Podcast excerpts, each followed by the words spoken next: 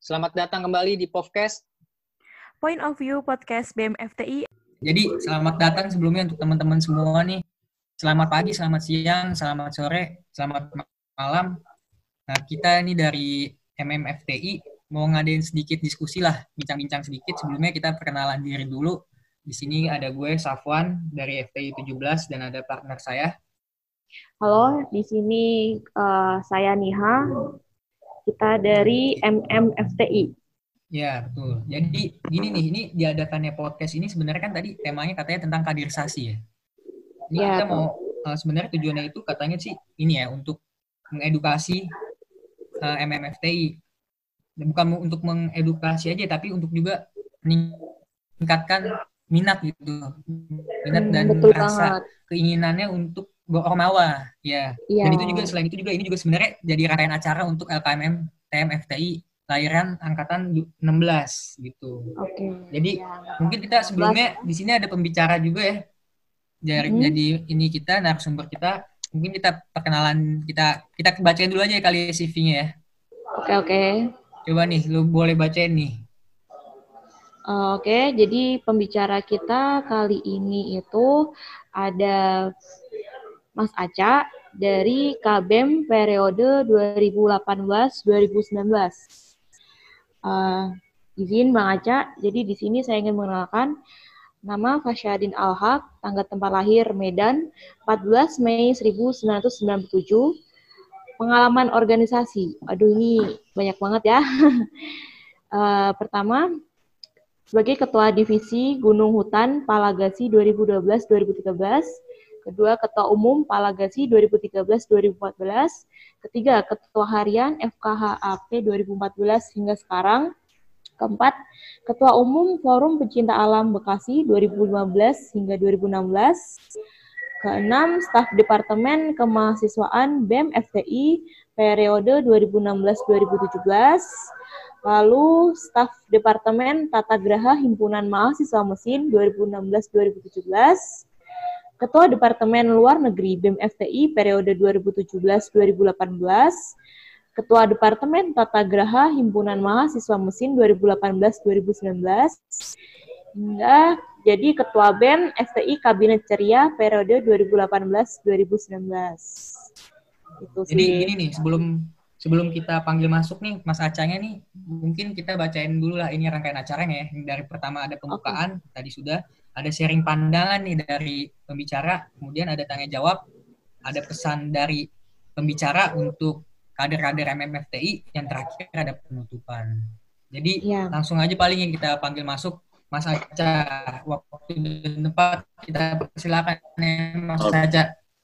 Oke. Aca? Halo, halo, halo. Sehat, Mas Aca? Sehat, sehat, alhamdulillah. Dilihat-lihat tadi pembukaannya kaku juga ya. Lagi sibuk ngapain nih Mas? Hah? Iya, ini Hah? jelas kaku. Ini ini yang pertama kali nih. Jadi ini Iya, Mas. pertama kali bikin podcast kayak gini. Ini Sebuah kemajuan lah maksudnya ada. Oh, iya, iya, iya. Bagus sih. Nah, jadi gimana Mas Ah. Aca lagi sibuk ngapain nih Iya, Mas iya. Aca sekarang-sekarang? Sekarang sibuk semenjak PSBB, ya sibuk ngerjain skripsi sih. Ya kan, ini juga masih belum belum ya belum belum sidang, masih ngerjain skripsi. Do, mu- eh, doanya ya biar cepat Iya. tahun ini.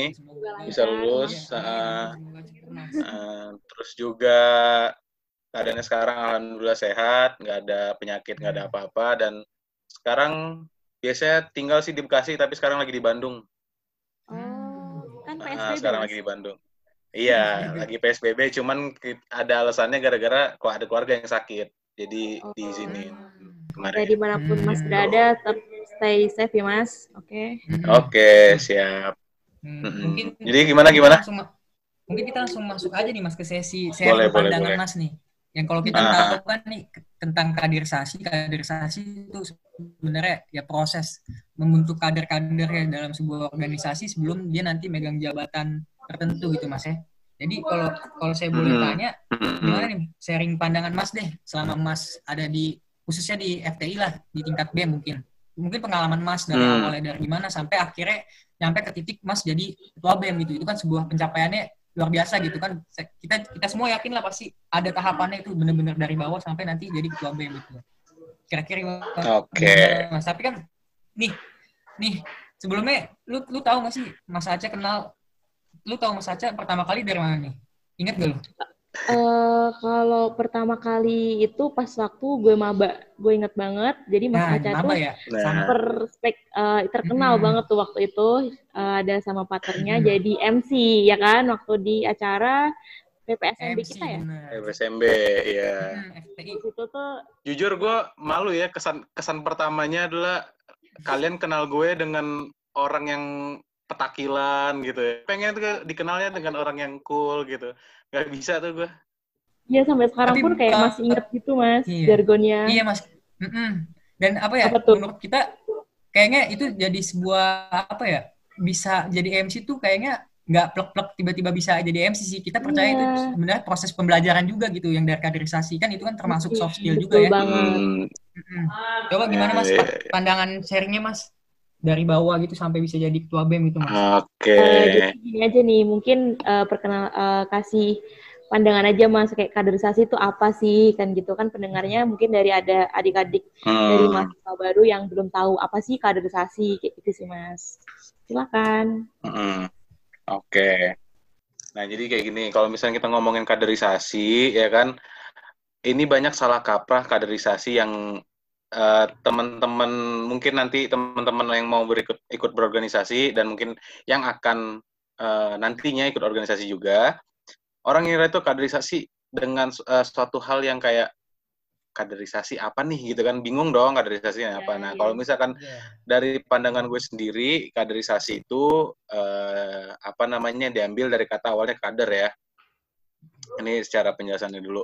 Kalau misalkan kader itu eh, artinya adalah orang yang diharapkan akan memegang peranan penting dalam eh, suatu organisasi nanti ya kan?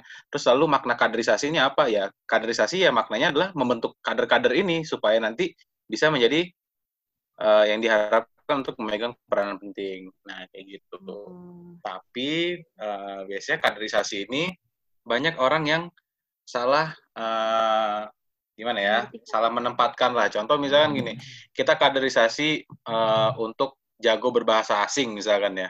Jadi kan kita masuk organisasi eh, bahasa asing gitu. Tapi yang dilakukan itu panjat tebing. Nah tapi yang dilakukan panjat tebing atau enggak mungkin yang dilakukan ada setiap hari adalah futsal gitu. Lo bahasa asingnya di mana? Mm-mm. Nah, kadang kayak gitu. Jadi kalau misalkan kaderisasi yang tepat adalah ya kalau misalkan tujuannya adalah untuk hmm, misalkan kita mau masuk BEM, ya masuk BEM atau nggak masuk himpunan dan lain-lain itu kan berorganisasi yang hubungannya adalah eh, komunikasi dengan orang gitu kan. Ya otomatis yang harus dilatih adalah komunikasi, cara berpikir dan lain-lain kayak gitu. Nah, itu penjelasan awalnya aja dulu ya. Hmm. Nah, itu penjelasan awalnya. Terus nanti eh, tadi kan gimana nih pengalaman gue selama ini kan ya? Iya, iya betul mas. gitu ya. Nah pengalaman gue awalnya biasa sama kok kayak kalian juga dari botak dulu awalnya sampai gue kayak ah botak nih botak lagi dulu gue SMA juga sering botak tuh.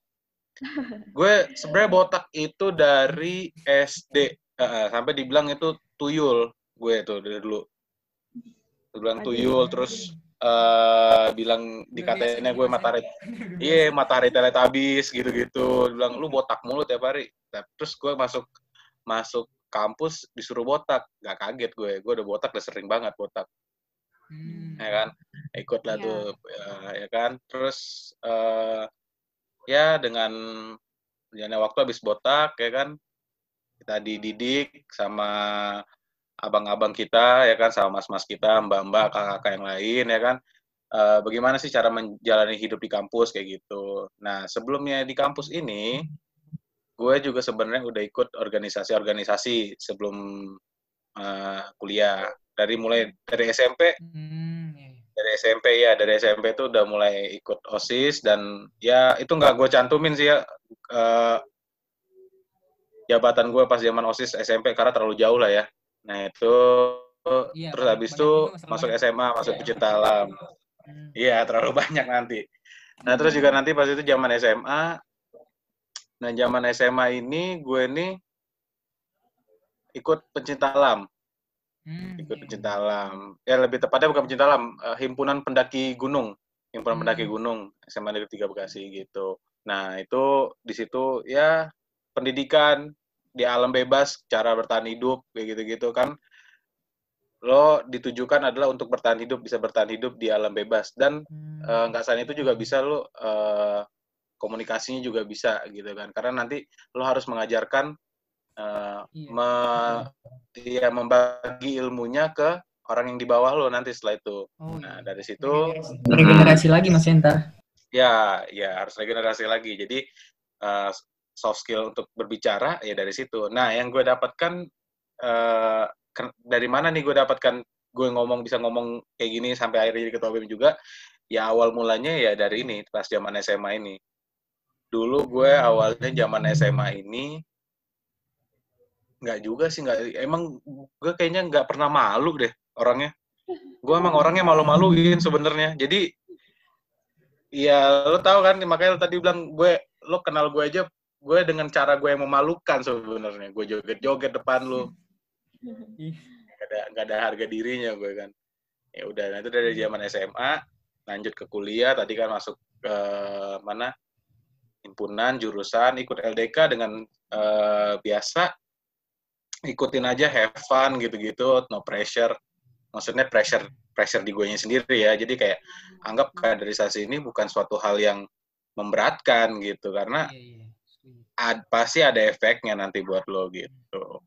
Nah Iya. setelah iya setelah ikut eh, LDK itu kan kalau di FTI istilahnya LKMMTD ya, TD ya. Ah, ya TD. tingkat dasar. Nah kita se- setelah gue ikutin itu lanjutlah. Awalnya gue sempat kapok karena di SMA itu gue menganggap eh, organisasi gue ini terlalu berat. Jadi gue gue kapok. Gue niatnya tuh kuliah pengen kupu-kupu. kuliah pulang. Terus gue niatnya dulu awalnya pengen kupu-kupu. Iya, pengennya kuliah pulang kuliah pulang. Nggak tahu kenapa tiba-tiba bisa jadi kura-kura sama kunang-kunang. Aduh. Iya, gue jadi kuliah rapat kuliah rapat sama kuliah nangkring kuliah nangkring. Nangkring nangkring. Iya, kayak gitu. Jadi gue awalnya dulu pas SMA karena berat banget kan, eh, apa? Gue menganggapnya itu berat. Terus Hmm. gue kapok lah masuk ke SM, eh, masuk kuliah. Setahun pertama gue full himpunan. Pad- emang tapi di himpunan gue emang di jurusan gue udah dibolehin sebenarnya ikut organisasi apa pun. Cuman gue nya Hmm. eh, udahlah gue himpunan aja dulu gitu.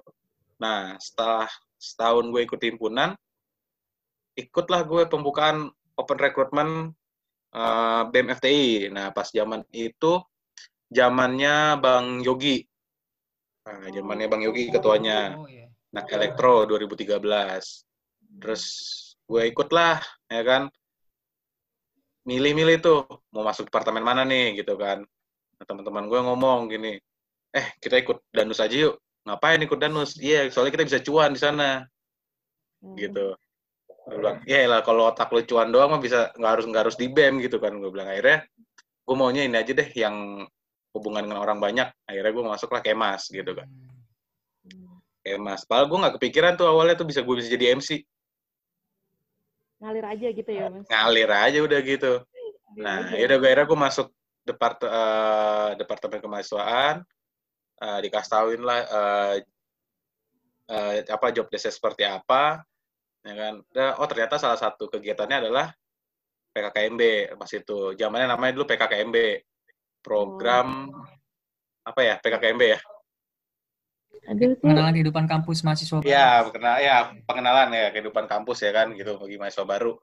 Nah kayak gitu akhirnya ikut rapat ya kan kita eh, konsepin PKKMB kayak gimana selesai tiba-tiba yang kurang MC Hmm. Nah.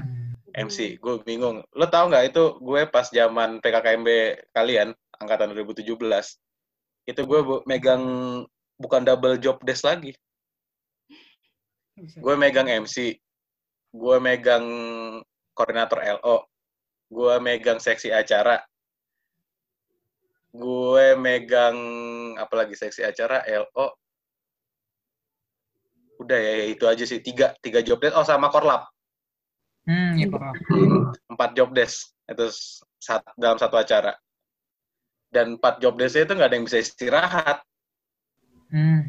Iya. Karena kayak gini deh, pas kalian pembukaan, pembukaan pas PKKMB kemarin, ya kan? Gue nge-MC.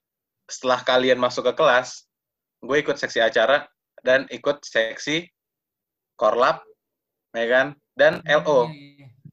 Jadi gue nggak bener-bener bener-bener nggak ada istirahat ya pas zaman kalian itu, tapi pas masuk lagi eh, MC lagi, gue ngisi-ngisi eh, jam-jam kosong. Ke- Kedapatan nggak kalian kalau misalnya lagi jam kosong ada gue pas itu? Iya, ada iya, sih betul, kayak betul waktu itu. waktu itu eh, Ada kan? Nah iya, kayak tiba-tiba datengin terus kayak sharing-sharing, eh gimana gimana acaranya kayak Iya. gitu sih. Nah, itu sebenarnya lebih ke caper sih gue sebenarnya. Lebih caper lagi juga nggak maksudnya gimana kalau misalnya lo mau caper juga lo gabut juga nggak ada kegiatan karena lo misalnya lagi jam di saat semuanya jam istirahat itu intersectionnya itu misal eh, intersection eh, jedanya itu di saat pergantian pembicara kan ada jeda tuh. Nah kadang ada nih pembicara yang telat datangnya. Nah itu yang bingung nih karena kan gue juga seksi acara kan. Iya. Jadi otomatis harus ngakalin ini kayak gimana nih biar dia biar keisi terus. Hmm.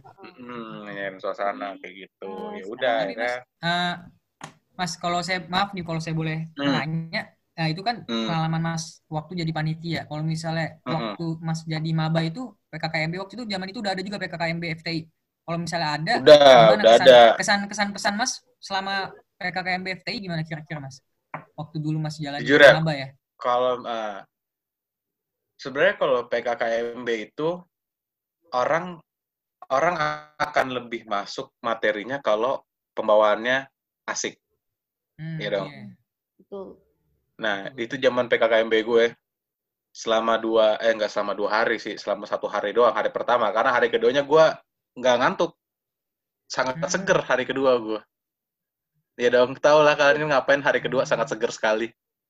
Kenapa tuh? Nah, iya deh hari pertama itu gue gue hari pertama itu bisa dibilang gue tidur dari materinya dari materi siapa ya? Bisa Gue tuh tidur dari jam gue gue nggak hafal ya, cuman awal masuk awal masuk kelas sampai mau istirahat sampai mau istirahat jam siang ya ya.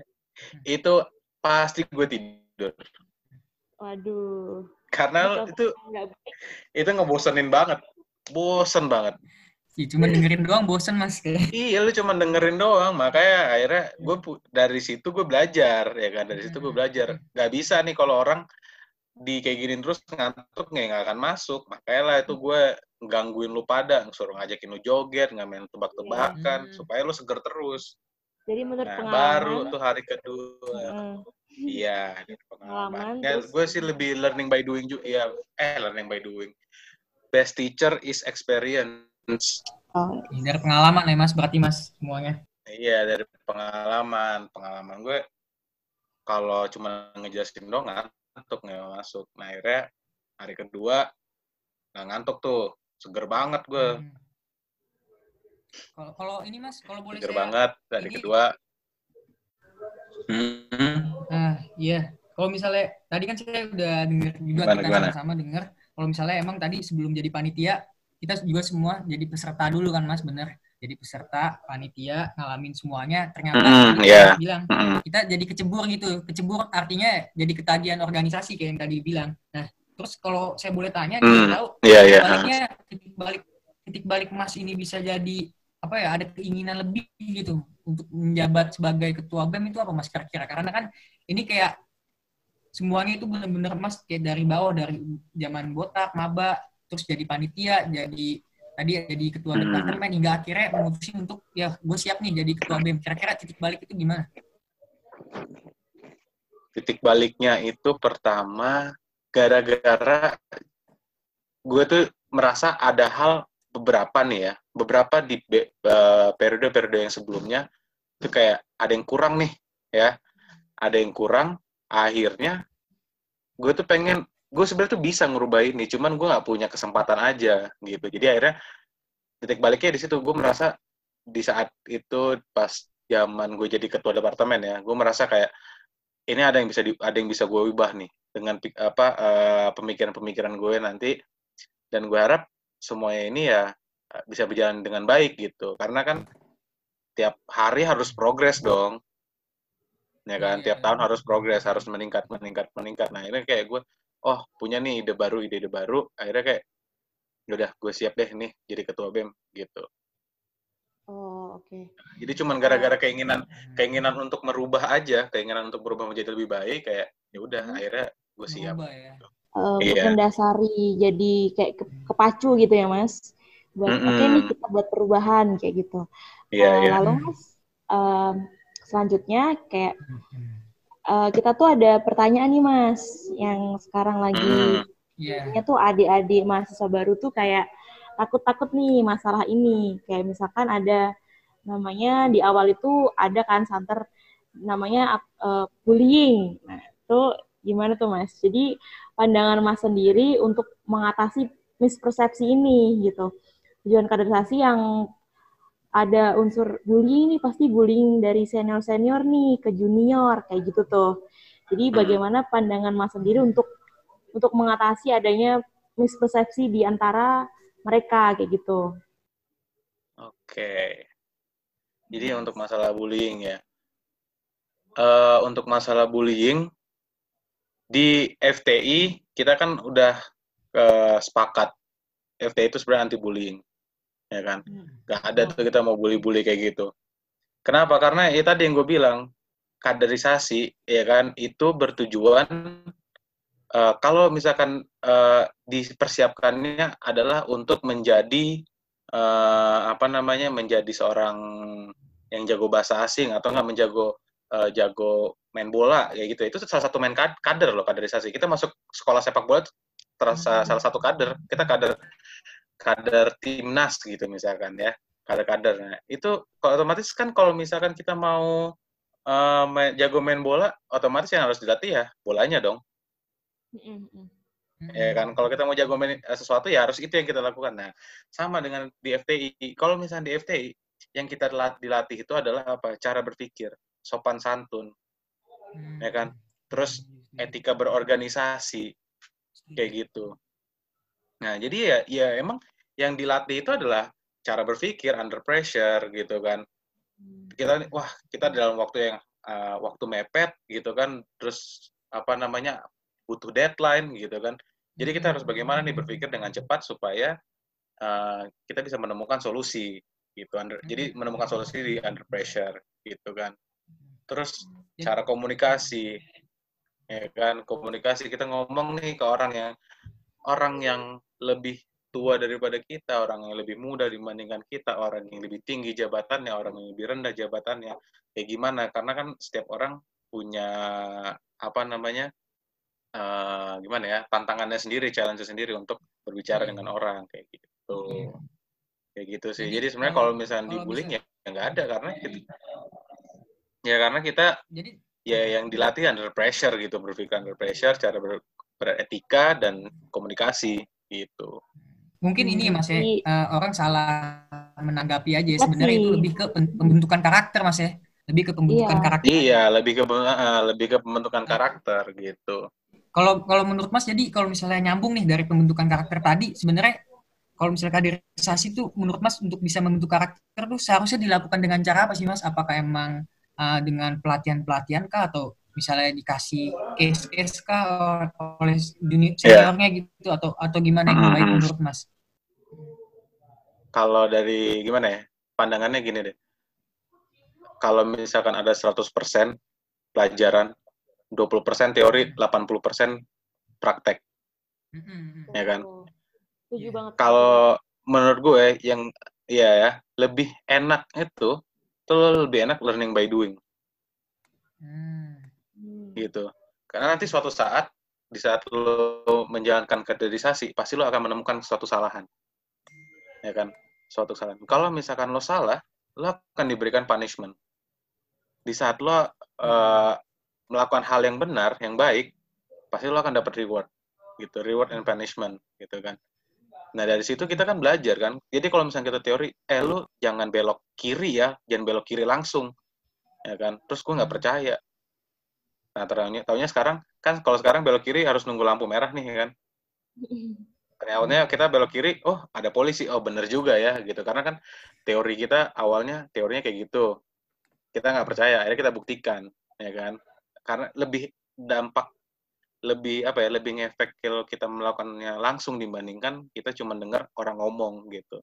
Nah sama nih kayak sekarang, gue cuma ngomong nih ya kan, terus yang lain denger, oh iya kayak gini-gini, abis itu lo diem aja ya percuma. Gitu lo ya kalau misalkan lo emang mau berorganisasi, mau lo jadi kader yang baik, sebenarnya lo mau dengerin ini, kalau lo nggak ngapa-ngapain juga percuma. Iya, oh, harusnya Nah, lo juga percuma. dilakuin gitu kan. Iya, lebih baik lo melakukannya dulu, baru dengerin ini, dibandingkan lo dengerin ini, habis itu lo nggak ngapa-ngapain, Betul. kayak gitu. Hmm. Ibarat ini teori, teori itu hanya penguat lah, ya kan, 80% yang praktek itulah yang Prakteknya. pelajaran yang learning by doing. Iya, Hmm. kayak gitu. Sama satu lagi nih, kan kalau misalnya learning by doing, di saat lo menjadi pemimpin, seorang pemimpin, pasti lo akan dipimpin terlebih dahulu. Nah, dari situ kan lo belajar kan, oh bagaimana nih jadi pemimpin, oh bagaimana, oh ternyata caranya tuh seperti ini, oh yang kemarin pemimpinnya kurangnya seperti ini, ada yang bisa gue perbaiki, gini-gini. Nah, itulah cara kita kaderisasi, gitu. Jadi kita harusnya lebih banyak ke prakteknya sih ya dengan tadi. Iya, lebih baik praktek. Ini. Hmm.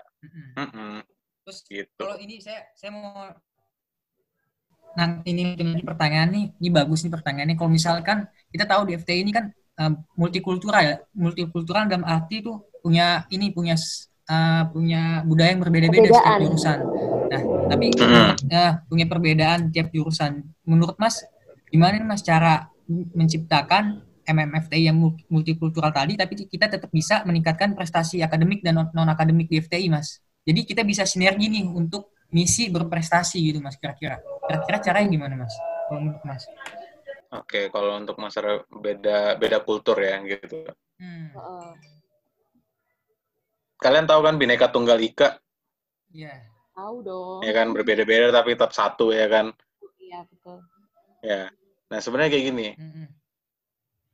eh untuk masalah satu bersatu atau enggak itu tergantung diri lo sendiri. Hmm. ya kan tergantung diri lo sendiri lo mau ngomong sampai kapan pun bineka tunggal ika tapi lo masih ada rasis juga percuma Betul. Jadi emang Ya. dari dia sendiri.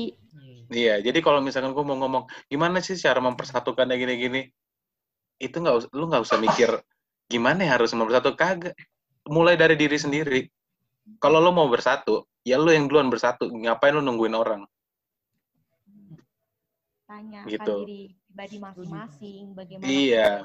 lo nggak bisa berharap wah gue pengen nih budaya misalkan budaya jurusan A dengan jurusan B bersatu. Tapi lu nggak ngapa-ngapain ini percuma. Iya yang, yang penting itu kan tadi gue bilang action. Mau sampai kapan pun lu mau mempersatukan suatu hal tanpa lu mau mulai ya kapan jadinya? Gitu. Ini kan misalkan lo dari jurusan eh, jurusan A terus gue jurusan B gitu kan. Gue pengen bersatu tapi gue masih kontra mulu sama lo. Apa apa gue lawan apa apa gue lawan. Ya kapan satunya ya kenapa nggak kita kayak ah gue lo jurusan ini gue jurusan ini. Kita tukar pikiran oh ternyata kita menemukan solusi. Ya itulah yang kita cari Tapi Iya memang terkadang eh, setiap jurusan itu mungkin punya masih ego punya eh, ego egonya masing-masing ya tinggi gitu. Mm-mm, ego tinggi Mm-mm. ya itu ya kalau untuk masalah eh, apa ya bukan bukan ego sih sebenarnya lebih ke apa ya bahasa Indonesia pride apa ya kebanggaan Banggaan, iya. Ya. bisa. punya uh, uh, punya dasar pikiran yang kuat tapi ego itu harus dihilangkan. Dasar pikiran itu bagus pendirian itu bagus. Karena tanpa lo punya pendirian lo nggak akan lo bukan bukan siapa-siapa ya kan? Yang penting pendirian itu bagus ego dikesampingkan. Lo jangan selalu menganggap diri lo yang paling baik. Nggak selamanya lo benar dan nggak selamanya orang lain salah setuju mas setuju gitu Setuju banget, Mas. Jadi yang kalau saya lihat sih mas, kalau untuk kita mau mencapai tujuan tadi, misalnya mau FTI lebih jaya, lebih baik, ya kita harus ngurangin ego kita masing-masing ya. Dimulai dari diri kita dulu yang sendiri ya. Keinginan- Iya, keinginan dimulai dari kita diri kita sendiri. Mm-mm. Lu nggak usah- jangan ngarepin orang lain yang duluan. Ayo, lu mulai duluan aja. Memang Coba nih, nggak bakal jalan-jalan. Iya. Coba nih pertanyaan selanjutnya nih. Mm-mm. Eh, jadi Mas, eh, selama ini tuh kan Mas udah eh, ada di kampus berapa? Lima, lima tahun ya Mas? Menurut Hampir Mas- lima tahun. Uh, jangan disebutin dong, malu nih saya. Malu nih saya belum lulus. Kan lagi ada situasi seperti sekarang juga sih Mas, jadi ya memaklumin. Iya, Jadi Iya. eh, iya. Doain cepet kelar ya ininya, amin, amin. pandemi ini. Diperlancar Mas apa pun itu Amin. keadaannya. Jadi menurut Mas sendiri, Gue soalnya mau bimbingan nih, nggak bisa-bisa. ya betul. Ya, aduh, Iya, gimana gimana? lalu ya eh, Gimana gimana gimana? Menurut gue? Ya, saya ulangi lagi Mas. Jadi menurut Mas Aca, eh, berapa lama waktu Sorry, boleh diulang? Aha. menurut Mas Aca eh, berapa lama sih waktu pengkaderan yang efektif itu Mas?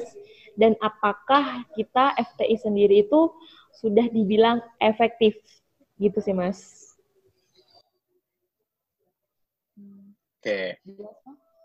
Untuk masalah kaderisasi, ya kan? Untuk masalah kader itu efektif berapa lama? Nggak ada efektifnya. Lu setiap saat lo lo itu kaderisasi itu lu adalah lu belajar sebenarnya. Kaderisasi itu adalah proses pembelajaran diri. Selama lu hidup sampai lu mati, ya lu belajar terus. Ya lu pasti kan suatu hal ada ada setiap hari suatu hal yang masuk. Ya kan? Entah mulai entah ilmunya lu dapetin dari YouTube kek, dapat dari WhatsApp atau dari mana itu yang maksudnya yang tidak eh, tidak formal ya. Tapi kan itu kan suatu pengetahuan juga gitu kayak misal ada informasi eh apa ya, misalkan soal oh ternyata eh, sekarang PSBB misalnya udah selesai gitu kan itu su- suatu informasi juga misalkan. Misalkan ya itu bukan bukan berarti yang sekarang ya. Iya. Ntar di garis bawah ntar nih gue gue bikin statement PSBB berakhir malah ini lagi jadi viral lagi viral, viral. kayak gitu. Jadi maksudnya pro- ya proses kaderisasi itu adalah ya selamanya selama lo selama lo hidup gitu karena lo nggak akan berhenti belajar dong betul, ya kan? betul. Betul. ya kan kaderisasi Eh, karena lo suatu saat misalnya eh, lo sekarang mau masuk BEM ya kan di suatu saat lo setelah keluar dari BEM lo mau masuk mau masuk organisasi yang lain kayak kan bisa atau masuk suatu perusahaan itu kan juga salah satu kaderisasi Betul, betul, Mas. gitu ya kan kan kalau misalnya sekarang nih tingkat kampus nih kan nanti lo setelah kampus lo kan ada kaderisasi di eh, tingkat bekerja ya kan nah gitu. Nanti itu ada lanjutannya lah kalau soal itu. Hmm, lebih kayak gitu. Terus untuk masalah efektif atau enggaknya FTI siapa yang nggak kenal FTI siapa yang nggak kenal FTI we are the one one Iya kan? we are the best FTI. Iya. we are the one on we are the best best FTI gitu kan. Udahlah lo nggak usah nanya lagi efektif atau enggak.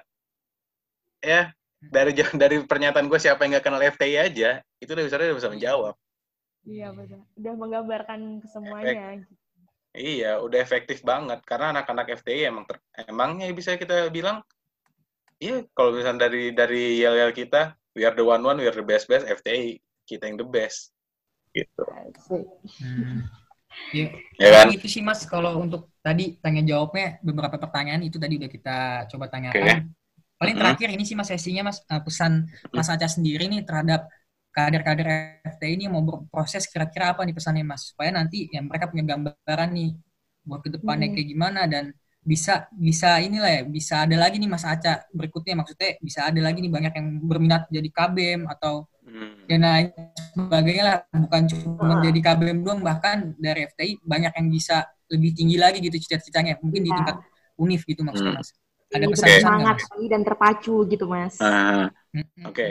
Untuk masalah pesan ini sebenarnya omongan bokap gue nih ke gue. Dan jadi ini beberapa omongan bokap gue yang nempel ke gue dan yang bisa merubah gue kenapa bisa sampai kayak gini. Yang pertama pesannya adalah untuk masalah kaderisasi seperti ini. Belajar itu bukan untuk menjadi pintar tapi belajar itu untuk memperbaiki diri. Ya, itu yang pertama. Terus yang kedua, di saat kalian sudah nanti suatu saat menjadi pemimpin, ingat, memang baik menjadi orang penting, tapi yang lebih penting menjadi orang baik. Itu. Itu yang paling penting. Karena lu gini, kalau lu saat lu belajar, lu hanya mengharapkan lu sebagai orang pintar, ya ilmu lu hanya berputar di buat diri lu aja. Tapi di saat lu untuk memperbaiki diri, otomatis lu bisa memperbaiki yang lain. Iya, iya. Ya gitu. Terus nanti juga di saat lo menjadi pemimpin suatu saat, memang baik menjadi orang penting, ya lo orang penting gitu kan.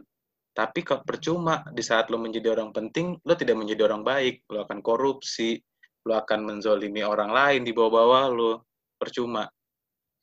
Ya. Hmm. Quotes. Walaupun intinya adalah walaupun lo nggak nggak menjadi orang penting suatu saat nanti, ya kan, tetaplah menjadi orang baik, Hmm. kayak gitu. Dalam nih, dalam penuh arti ya mas. Iya, kayak gitu. Itu itu Bagus dua banget sih itu, Mas. Bagus banget. ini sebenarnya dua dua kata-kata ini, dua kalimat ini sebenarnya pesan bokap gue sih buat gue sendiri yang sampai sekarang juga masih gue pegang terus. Gitu. Yang menginspirasi gitu. Iya. ah. Kayak begitu sih. Mungkin ya ini kita udah masuk sesi terakhir sih Mas penutupan Mas. Mhm. Jadi tadi udah banyak banget yang Mas paparin juga. Ya kita dapat ilmu baru lah Mas dan harapannya untuk Mhm. uh, para adik-adik FTI ini MMFTI bisa dapat gambaran. Jadi kalau misalnya mereka mau organisasi kira-kira itu seperti apa nanti dan mereka bisa dapat aja. Tadi soalnya udah banyak banget sih ilmu yang hari ini kita dapat Mas. Ya, Oke, oke ya. Ya gue juga senang sih juga bisa bertukar pikiran sama kalian. Hmm, hmm. Ini kebetulan waktunya juga tinggal dua menit lagi nih Mas. Paling Ya. ya paling kita tutup Mas. Eh, paling terima kasih Mas Aca nih udah mau Terima kasih banget waktunya buat hadir. waktunya Iya. Mas Aca. Iya, Ah. Nih udah mau bisa viral nggak nih gue nih? Ikut podcast kayak ginian. Viral ntar. Sebelum Ah. ini aja udah, kita share udah viral kalau Di buat Mas Aca mas. Mas. Iya. Gak, gue takutnya gue viral, gue kenapa-napa lagi. Enggak ya? Iya. Gak kenapa-napa kan gue ngeri nih statement-statement gue malah jadi jadi jadi bumerang sama gue nih. Waduh. Enggak. Kabem. Iya, kadang kan orang Gitu ya. podcast-podcastnya dipotong-potong, tadi apa-apa nggak full satu ini, nggak full Iya. satu podcast didengerin. Enggak lah Mas, enggak Mas. Ini ini Ya. full Mas, ini pasti full. Oh iya iya. Hmm, Paling Terima itu kasih aja sih untuk Mas paling Mas. Mas Aca. Terima kasih banget Mas iya Bisa ilmunya. Oke. Mungkin ini ya nih kita tutup kali ya. Mungkin Hmm. sekian juga nih podcast episode kali ini. Nantikan lagi nih podcast ya di episode-episode episode berikutnya. selanjutnya. Iya, Ya. sampai jumpa semua.